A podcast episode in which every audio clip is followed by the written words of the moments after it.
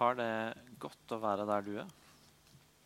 Godt å være i din nærhet. og Kjenne at det gir nytt håp og det gir ny trygghet på det som eh, vi står oppi.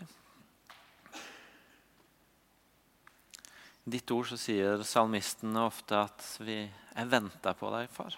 Jeg venter på deg, Gud. Jeg takker deg for at uh, det skal vi òg få gjøre. Vi skal få vente på deg og få vente på din inngripen. Vente på dine løsninger der vi ikke har noen løsninger. Men også vente på Jesus at du en dag skal komme igjen for å sette alt i rett stand. For å fullføre den seieren som du vant, og som vi, som vi bare om ei uke og to skal få, få stoppe spesielt opp ved, men som, som også innebærer at, at en dag så kommer du igjen for å for å, for å fullføre og for å sette alt i rett stand.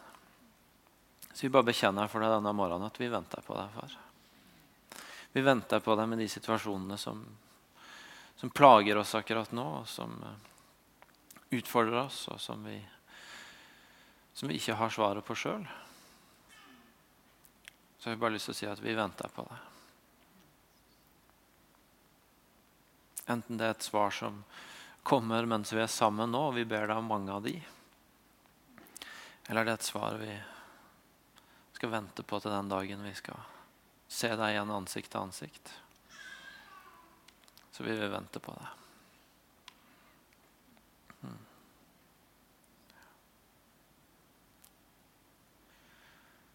Amen. God søndag.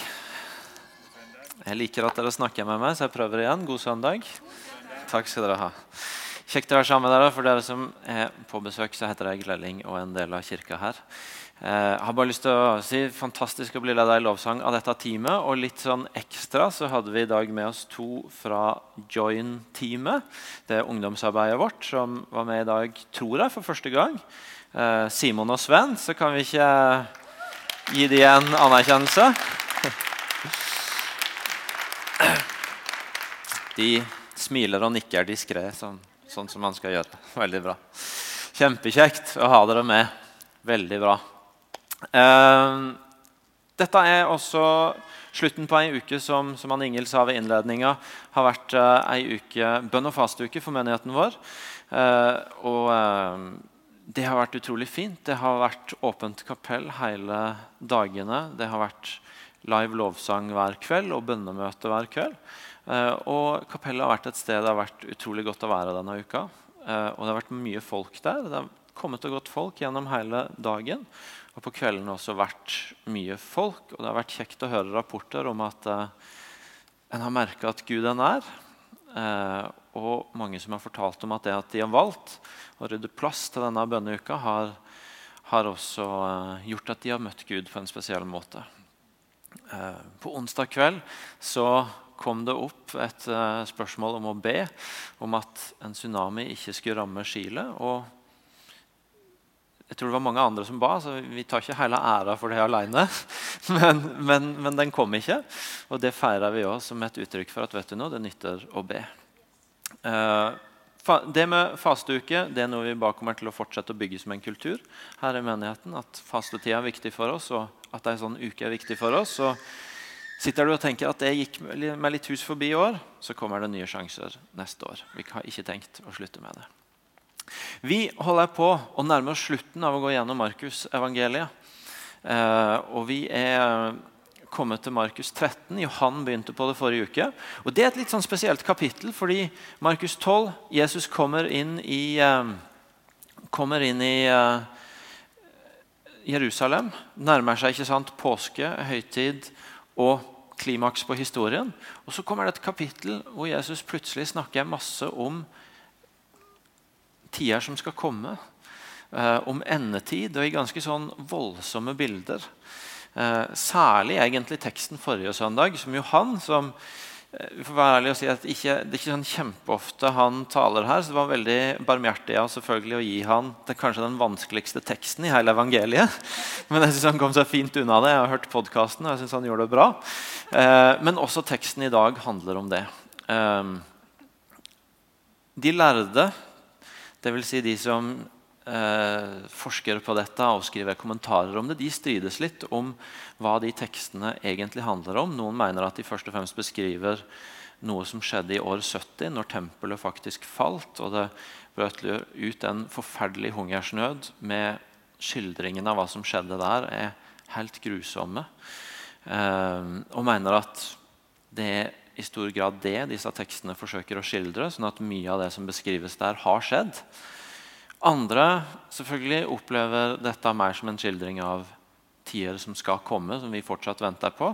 Endetiden, som vi gjerne kaller det. Jeg har ikke tenkt å bruke tida i dag på å drøfte det. Eh, jeg tror at uansett hvilken løsning en velger, så er dette tekster som sier oss som venter. Og det har vi godt bibelsk belegg for å si. Venter på at Jesus en dag skal komme. Det er tekster som sier noe om hvordan vi kan forholde oss til det og vente på det. Og Det har jeg lyst til å gi oss noen tanker om i dag, og kanskje peke litt spesielt inn mot påsketida. og hvordan vi kan ta med oss det inn i påsketida. Så jeg skal lese teksten, og så skal vi gå i gang. Begynner fra Markus 13, vers 24. Men i de dager etter denne trengselstiden skal sola bli formørka og månen miste sitt lys. Stjernene skal falle fra himmelen, og himmelrommets krefter skal rokkes. Da skal de se menneskesønnen komme i skyene med stor makt og herlighet. Han skal sende ut englene og samle sine utvalgte fra de fire verdenshjørner, fra jordens ytterste grense til himmelens ytterste grense. Lær en lignelse av fikentreet. Når det får skjevje i greinene og skyter blad, da vet dere at sommeren er nær. Slik skal også dere vite når dere ser dette skje, at han er nær og står for døra. Sannelig, sier dere, denne slekta skal ikke få gå før alt dette skjer. Himmel og jord skal få gå, men mine ord skal aldri få gå. Men den dagen eller timen kjenner ingen, ikke englene i himmelen, og heller ikke Sønnen, bare Faderen. Vær på vakt, hold dere våkne, for dere vet ikke når tida er inne. Det er som en mann som skulle utenlands. Da han forlot huset, overlot han ansvaret til tjenerne og ga oppgaver til hver og en. Og til dørvokteren ga han påbud om å våke. Så våk, da, for dere vet ikke når husherren kommer, enten det blir om kvelden, midt på natta, ved hanegal eller om morgenen. Når han plutselig er der, må han, må han ikke finne dere sovende. Det jeg sier til dere, sier jeg til alle. Våk. Det er godt å være sammen med dere denne søndag formiddagen. og det er mange grunner til det. En av de er at uh, vi kommer nå på morgenen rett fra en liten hyttetur i Sirdal.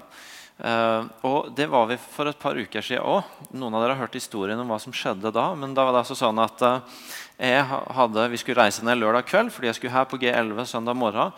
Og hadde rigga til, hadde pakka bilen full med all bagasje, fått barna i pysjamaser, skulle kjøre ned de bare kunne sovne. Alt var rigga og klart. Og så dukker det litt essensielle spørsmålet opp. Hvor er bilnøkkelen? og, eh, og, bilnøkkelen ble leita etter grundig og godt. Eh, innendørs og utendørs og eh, i alle mulige tenkelige lommer og varianter. Helt til eh, vi bare måtte sette oss ned og si at vet du, nå, nå vet vi ikke om hvor vi skal leite. Det var selvfølgelig jeg som hadde tatt vare på den. Eh, så vi begynte heller å legge plan A, B og C for både hvordan vi skulle komme oss ned og få bilen ned. og i det hele tatt. Eh, og idet vi egentlig hadde slått oss til ro med at her blir det nok en kriseløsning, så fant Hildegunn nøkkelen i min toalettmappe. og Det var jo ikke et veldig logisk sted. Så jeg la det ut på Facebook og spurte om noen kunne hjelpe meg med når, når det skjer. Hva, hva på en måte kontra man med da for å komme seg litt ut av søkelyset? Thomas Stornes, som hører til Herrekirka, han svarte at et naturlig svar å gi da, det er jo å si ja, men Helliggunn, hvorfor i all verden har du lagt den der? Eneste grunnen til at det ikke var et veldig godt uh, forslag, var at uh, allerede et par uker i forkant så hadde jeg rota bort reservenøkkelen òg, som gjorde hele situasjonen mer komplisert. Uh, den har nå kommet til rette i løpet av denne uka. Funnet på en ikke fullt, ikke toalettmappa mi, men en annen litt rar plass. Og til det så kommer da også at Så jeg er glad for å være her, for det skjedde ikke denne gangen. Vi kom ned som planlagt. Men dette kommer da i tillegg til at i løpet av den siste måneden så har jeg rota bort to kredittkort og ett pass. Så Hildegunn hun lurer nå på altså, om hun har gifta seg med en skikkelig rotekopp, bare at noen, ingen har sagt fra til om det før etter ti års ekteskap. og vi får, se, vi får, se, hvor det ender. Jeg er litt forvirra sjøl på hvordan dette ligger an. Vi begynte å lese Markusevangeliet med å lese Markus 1,1, hvor det står dette er evangeliet om Jesus Kristus. Dette er de gode nyhetene om Jesus Kristus. Med andre ord, Denne boka, denne fortellinga som vi har brukt noen måneder på, den handler om Jesus Kristus. Det er han som er de gode nyhetene, og det er historien om han som er de gode nyhetene for folk. Og det betyr at Når vi har lest denne fortellinga, har det vært viktig for oss å prøve å finne ut hvem er han? Hva er de gode nyhetene ved han? Hva, hva er dette evangeliet som er hele kjernen i vår tro, og som handler om Jesus Kristus? Og Innen vi er kommet til kapittel 13, så kan en gjerne tenke at nå begynner vi å få et ganske godt grep om dette er sånn han er. Uten noen som helst sammenligning for øvrig, som kanskje Hildegunn ville kunne tenke at etter ti år så begynner å få et tålig grep om hvem jeg er. Og Så kommer kapittel 13, og så er det litt sånn ah, Vi har kanskje ikke grepet alt og alle sidene ved det allikevel. Fordi at der historien evangeliene om Jesus er veldig prega av at Guds sønn kom til oss. At han kom oss nær. At han ble et menneske, eh, kjøtt og blod, for vår skyld. Og, for, og fortellingen er veldig, altså Det er mange elementer som handler om at han ble født som et lite barn, uskyldig barn. Han i en stall, ikke under noe mer pomp og prakt. Han vokste opp som en vanlig gutt som var med foreldrene sine på tur til Jerusalem ved høytiden og kom bort fra foreldrene med alt det det medførte. Han gikk der langs de støvete veiene mellom byene i Jerusalem. Han tjente folk, han vaska beina til noen uh, av de nærmeste. Han stoppa opp for folka som kanskje var utstøtt og trengte det aller mest.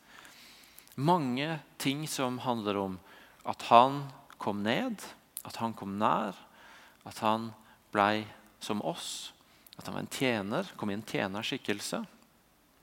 Mange, mange sånne bilder. Så er de bildene som kommer i Markus 13 av Jesus, de er ganske annerledes. De, de holder opp et litt sånn annet bilde. Det står da skal de se menneskesønnen komme i skyene. Ikke bli født i en krybbe i en stall. Men da skal menneskesønnen komme i skyene. Ikke som et lite barn som er avhengig av mor og far, men med stor makt og herlighet. Det er et helt annet bilde av Jesus enn det vi så langt kanskje har vært vant til å få inn i de historiene vi har lest. Nå er det ikke lenger det lille barnet eller tjeneren som vasker beina, men nå er det menneskesønnen som kommer i skyene. Med stor makt og herlighet. Og, og på en måte omstendigheten, altså settingen rundt, scenografien om du vil, står jo i versa før at sola blir formørka, og månen skal miste sitt lys. Stjernen skal falle fra himmelen, og himmelrommets krefter skal rokkes.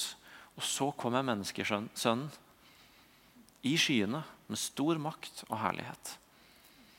Et helt annet bilde. Og Det er det første jeg har lyst til at vi skal stoppe opp for når vi får denne teksten i dag.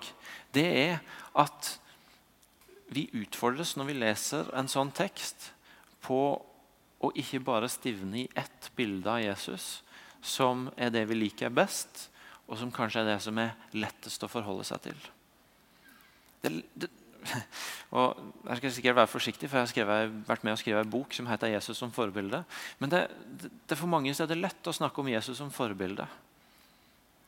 Men så er det også noen andre bilder av han i Bibelen som handler om at han er kongen. At han er den som kommer i makt og herlighet. At han ikke bare er den som blei menneske, men at han også er Gud. Guds sønn, kongen, som kommer i makt og herlighet. Og Vår tro sier ikke at han er litt Gud og litt menneske, og så får vi finne ut sånn cirka hvordan det ser ut, men sier at han er fullt ut Gud, 100% Gud og 100% menneske.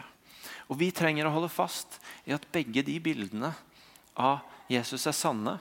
Og at det å ha et sant bilde av Jesus er ikke å stivne i ett som vi liker veldig godt eller er blitt veldig fortrolig med, men det å la bildet utvides, sånn at vi, vi ikke bare ser én dimensjon av han, men at vi ser flere dimensjoner av han. Fordi hvordan vi ser Jesus, det preger selvfølgelig hvordan vi forholder oss til han. Hvis vi er vant til å snakke om han bare som forbilde, som mesteren, som den som har vist veien til livet gjennom måten han kom og levde her på, så er det klart det er veldig naturlig for oss å snakke mye om å følge etter han og lære han og bli inspirert av han. Nå snakker vi veldig mye om han som kongen, som han som kommer i skyen. Så er det veldig naturlig for oss å falle på kne og tilbe han. Fordi det er den eneste egentlig gode responsen når, når kongen sjøl, Guds sønn, kommer i skyen med makt og herlighet. Og så er det sånn at det er tider for å følge etter Jesus, og det er tider for å falle på kne og tilbe han. Det er ikke bare én av veiene som er veien hvis du lever med han og bygger en relasjon med han, men det er tider for å følge etter han, og det er tider for å falle på kne og tilbe han. Og vi er nødt til å ha hele spekteret i livet vårt med han. Eh, eller vi er nødt til, men vi, vi, trenger det. Det er godt for oss. Og det, det er den beste måten å finne veien til det livet han vil gi oss på. Når vi ikke bare har kjørt oss inn i ett spor, men når vi kan ha flere spor. Tilbake til meg og Hildegunn igjen, bare for å gi en veldig sånn hverdagslig illustrasjon. Jeg bruker å si at Når vår familie blir litt stressa av oppgaver, har for mye å gjøre og får det travelt, så har jeg og Hildegunn helt motsatt respons på det. Min ryggmargsrespons det er nå må vi finne en måte å komme oss av sted og hvile på. Og så får vi rydde opp i alt det vi skulle ha gjort etterpå når vi har fått hvilt litt og vært litt sammen. Hildegunns respons er nå må vi finne ut hvordan vi fortest mulig kommer til bunnen av lista vår, og så kan vi slappe av litt sammen etterpå. Og så tror jeg vi begge er enige om at det er veldig bra at vi har hverandre. Fordi det å reindyrke et spor er antagelig ikke godt for oss. Det er sånn noen ganger med vår tro at vi kan kjøre oss veldig inn i ett spor. Og så tror vi at den eneste veien videre i det vi nå står i, det er å bare, bare gå i det sporet. Og så er det noen ganger vi trenger å ta et steg tilbake og se et større bilde av hvem Jesus er. Og så kan det hende at han åpenbarer at vet du noe, nå så er det faktisk noe annet som gjelder. Nå har du ligget på kne så lenge. Nå er det tid for å gå på noen av de tingene du har hørt. Eller vet du noe, nå har du dratt deg sjøl etter og tatt deg sammen fordi at du tror at, at bare jeg gjør disse her tinga jeg har lest eller hørt en eller annen tale si, så skal det nok sikkert gå bra. Så vet du noe, så er det tid for å ta et steg tilbake og bare falle på kne for han og og tilbe han og si at 'jeg har ikke løsninga, men jeg vet du har det'. Vi trenger å se en bredde av hvem Jesus er. Der er ei tid for å følge etter han, der er ei tid for å falle på kne og tilbe han. Og vi må ha begge deler i relasjonen vår. Og Når vi nå kommer til påske, så vil du få se begge de elementene. Du vil få se den lidende tjeneren som blir slått og spytta på. Jeg har lest historien denne uka. Det er vondt å lese hvordan kongen min blir hånt spytta på, slått, latterliggjort. Og samtidig, når han dør, så er det så det rister i hele jorda. Så kommer jo oppstandelsen, da. Og Da er det jo noe litt mer enn bare en godt forbilde å følge etter. For jeg har ikke så mange andre forbilder som gjør det. Det er kongen. Han som vant Og er alle dødskreftene. Så når du går inn i påska, hvem, hva, hva, ser du etter? Hvordan oppdager du disse forskjellige sidene av hvem han er? Tjeneren som kom oss nær. Og kongen som vant, og som skal komme igjen i makt og herlighet. La oss se begge deler. Det andre jeg har lyst til å si, handler litt om der er, Hvis du skal bruke karikaturer og ytterpunkter, så er det i hvert fall et, to ytterpunkter å forholde seg til sånne tekster om at Jesus skal komme igjen på. Den ene er å hoppe over det, fordi tekstene er vanskelig å forstå, og det høres ikke så kjekt ut alltid det som står der, som ved første øyekast. Og en har kanskje også med noe historikk på mye eh, litt sånn mørk forkynnelse på det punktet. Så vi prøver å late som det ikke er der. Det andre er å gå fullstendig opp i det og prøve å analysere alle tegn og ting, sånn at du veit når det skal skje, og hvor nær vi egentlig er. Jeg oppfatter at denne teksten hvis du tar hele kapittel 13, ikke ber oss om å gjøre noen av delene. Jeg oppfatter at den teksten ber oss om å forholde oss til at vet du noe, han skal komme igjen. Men vi kan faktisk ikke vite for mange av detaljene. Og Det betyr at det er nødt til å være en annen posisjon enn å late som det ikke fins, eller å grave seg ned i detaljene og egentlig få troa til å handle om å finne ut når han kommer igjen. Det må finnes noe imellom der. Hvis jeg skal prøve å sammenfatte en, en posisjon jeg opplever at Jesus ber meg om å være i når jeg leser den teksten, så vil jeg si at han ber meg om å være avslappa, men klar til å respondere. Litt sånn som en idrettsutøver i startblokka før, eh, før startsignalet går. Eh, fordi jeg leser denne teksten og hører egentlig Jesus si til de som kjenner han, at vet du noe, dere kommer til å kjenne meg igjen. Dere kommer til å vite det når det er med. Så ikke la, ikke la alle disse falske profetene som skal reise seg opp og prøve å si at det er meg du bør følge. Det er meg. Ik ikke la de føle dere vil. Fordi når jeg kommer, så kommer dere til å kjenne meg igjen. Dere kjenner meg. Så slapp av. Ta det rolig. Dere kommer til å kjenne meg igjen. Og samtidig, vær på vakt. Vær klar til å respondere. Vær klar til å ta meg imot når jeg kommer. Og på den måten vær trygg, men vær klar til å respondere. Og hvordan, hvordan, holder vi oss i den posisjonen? Jo, Det er jo ved å leve sånn som disipler den dag i dag. Det er en disippels posisjon den dag i dag. Å være helt trygg på at vet du noe, hvis jeg har valgt å gå med Jesus, så, så kjenner jeg han, og han kjenner meg. Og jeg kan ikke gjøre noe mer for at han skal elske meg mer, og jeg kan ikke gjøre noe for at han skal elske meg mindre. Jeg er hans, og jeg er trygg på det, og jeg hviler i det. Og Jeg stresser ikke med å få det til å bli noe mer. Men allikevel så ønsker jeg å være klar til å respondere når han kaller meg til noe eller leder meg til noe.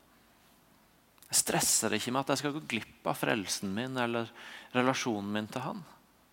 Men fordi jeg vet at han vil lede meg en vei, så, så sitter jeg likevel klar til å respondere på vil, den veien han viser meg. På hans tiltale til meg, på hans ledelse til meg. Og så er det en posisjon en disippel kan være i her og nå, og en posisjon som holder en disippel klar til å respondere når han en dag kommer igjen. Så avslappa, trygg på at jeg kjenner han, men er likevel klar på vakt fordi jeg ønsker å respondere når han kaller. Siste punktet fra teksten i dag er at når du leser noe Jesus sier her, så sier han midt i Lær en lignelse av fikentre. Når det får skjevje i greinene og skyter blad, da vet dere at sommeren er nær. Og Slik skal dere også vite, når dere ser dette skje, at han er nær og står for døra. Det er et bilde av noe som vokser fram. Det er et bilde av noe som spirer fram, av nytt liv som kommer fram. Av våren som kommer, og da ser en at, at mange ting begynner å vokse fram. Og Det er faktisk et bilde med ganske mye liv og ganske mye håp i. At det er noe nytt som skal vokse fram. Det er et nytt liv som vokser fram. Og jeg tror det er så viktig for oss å få tak i at vet du noe, en del av det å tro på Jesus er å tro at han en dag skal komme igjen for å kalle sine til seg og for å sette alt i rett stand. Og det er en nøkkel for at vi skal holde fast i håpet vårt. De siste ukene har jeg vært så glad i Romerne 15, 13. Der skriver Paulus må håpets Gud fylle dere med all glede og fred i troen, så dere kan bli rike på håp ved Den hellige ånds kraft. Rike på håp. Det synes jeg er et fint uttrykk. Det er et kult uttrykk. Tenk å være rik på håp. Å ja, du, du er i en tøff situasjon, og det er vanskelig å se, se noe lyst i det, se noe håp i det. Ja, men vet du noe? Jeg har overskudd av håp. Jeg er rik på håp, så jeg kan dele litt av mitt håp med deg. Tenk å være rik på håp i møte med de utfordringene vårt liv møter, og i møte med de utfordringene verden rundt oss møter. Rike på håp. Og vet du noe? Jeg tror ikke det er mulig å være rike på håp uten å ha et forhold til at en dag så kommer han igjen. Og det er et håp for oss, for da skal et nytt liv vokse fram. Da er det våren som kommer. Og Da skal han kalle til seg sine, og så skal alt bli satt i rett stand. Salmisten som bekjenner igjen og igjen, som jeg ba i stad, jeg venter på det, Herre. Fordi jeg vet at når du kommer, så skal alt det som ikke jeg forstår og finner ut av, som ikke er i rett stand nå, det skal ryddes opp i. Paulus sier at størst så blir stående, disse tre. Tro, håp og kjærlighet. Og størst av de er kjærligheten. Og ja, størst er kjærligheten, men det betyr jo at tro og håp fortsatt også er ganske viktig. Da, for det er de tre som står igjen. Håp er utrolig viktig. Det er en nøkkel i troa vår. Det er ikke alt vi forstår i livet på denne verden. Og det er ikke alle ting som bare ordner seg. Noen ting blir vi levende med smerten og sorgen og de ubesvarte spørsmåla på. Og så er det håpet som holder oss fast. Vissheten om at en dag så kommer han, og så skal han kalle alle til sine til seg. Og så skal han sette alt i rett stand. Og Når vi går inn i påska nå, så har jeg bare lyst til å be deg om å, om å høre den historien som en historie om håp, som skal fylle deg med håp. Og en visshet om at han vant over døden og alle de kreftene som vi fortsatt må, må forholde oss til. At, at fordi inntil han kommer igjen, så, så driver de fortsatt og, og lager hekkene for oss. Så skal han en dag komme igjen og gjøre fullstendig slutt på det. I det så er det håp. Han har vunnet. Han kommer tilbake. Så la oss ikke hoppe over Markus 13. La oss ikke hoppe over historien om at han skal komme igjen. Enten fordi vi syns de er vanskelig å forstå, eller fordi vi har en historikk på at de har blitt brukt til å skremme oss. Men la oss lese de med det blikket at vet du, nå her er det en tekst som forteller at en dag så skal noe nytt spire fram. Som innebærer et nytt liv for oss, som innebærer en trygghet om at når han kommer, så skal vi kjenne han igjen. Og så skal noe helt nytt begynne. Og så skal de såra vi fortsatt sitter med og ikke finner ut av, de skal den dagen leges.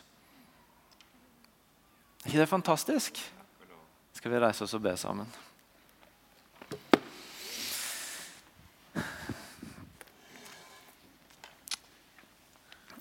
Jesus, takk for at du tok deg tid til å dele med oss disse litt vanskelige og utfordrende ordene før du gikk veien til korset. Fordi vi trenger å høre at du er mer enn et forbilde. Vi trenger å vite at du er kongen vår. Som vi kan falle på kne og tilbe når vi ikke veit annen utvei. Og som vi kan falle på kne og tilbe i takknemlighet for det du har gjort. Og Vi trenger å høre at når du en dag kommer igjen, så skal vi kjenne deg. Og det kan vi være trygge i. Men noen ganger så trenger vi også påminnelsen om at vet du noe, la oss være klare til å respondere. Jeg bekjenner for at noen ganger så trenger jeg å bli røska litt ut og minna om at når, når, du kaller, så skal jeg være klar til å respondere. Og så bekjenner jeg at her det står det en dag i dag, så er det, så er det situasjoner i mitt liv og mine omstendigheter som jeg, som jeg trenger håpet. For jeg har ikke svarene, jeg har ikke løsningene, men jeg trenger håpet om at du er større enn det, og at det som ikke blir løst nå, det skal du en dag komme for å sette i rett stand. Så gjør oss rike på håp, far. La oss få være mennesker og ei kirke og et fellesskap som er rike på håp, sånn at vi kan dele det håpet med hverandre når det trengs. Og sånn at vi kan dele det håpet med denne verden. La oss ikke være blyge for det håpet, far.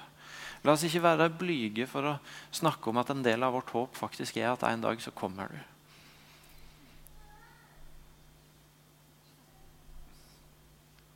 Men la oss formidle virkelig håpet i det. Mm. Og så har jeg lyst til å be for brødre og søstre her inne nå som på en spesiell måte trenger ditt håp i dag. At du skal komme og fylle med håp. At, at bildet av kongen som kommer med makt og herlighet i skyene, også skal være et bilde av håp. Mm. Gjør oss rike på håp, Far. Mm. Da er det sånn at vi har noen minutter, ca. ti minutter for de av dere som skal henke, henge, henke, henke hente barn, eh, til å tilbe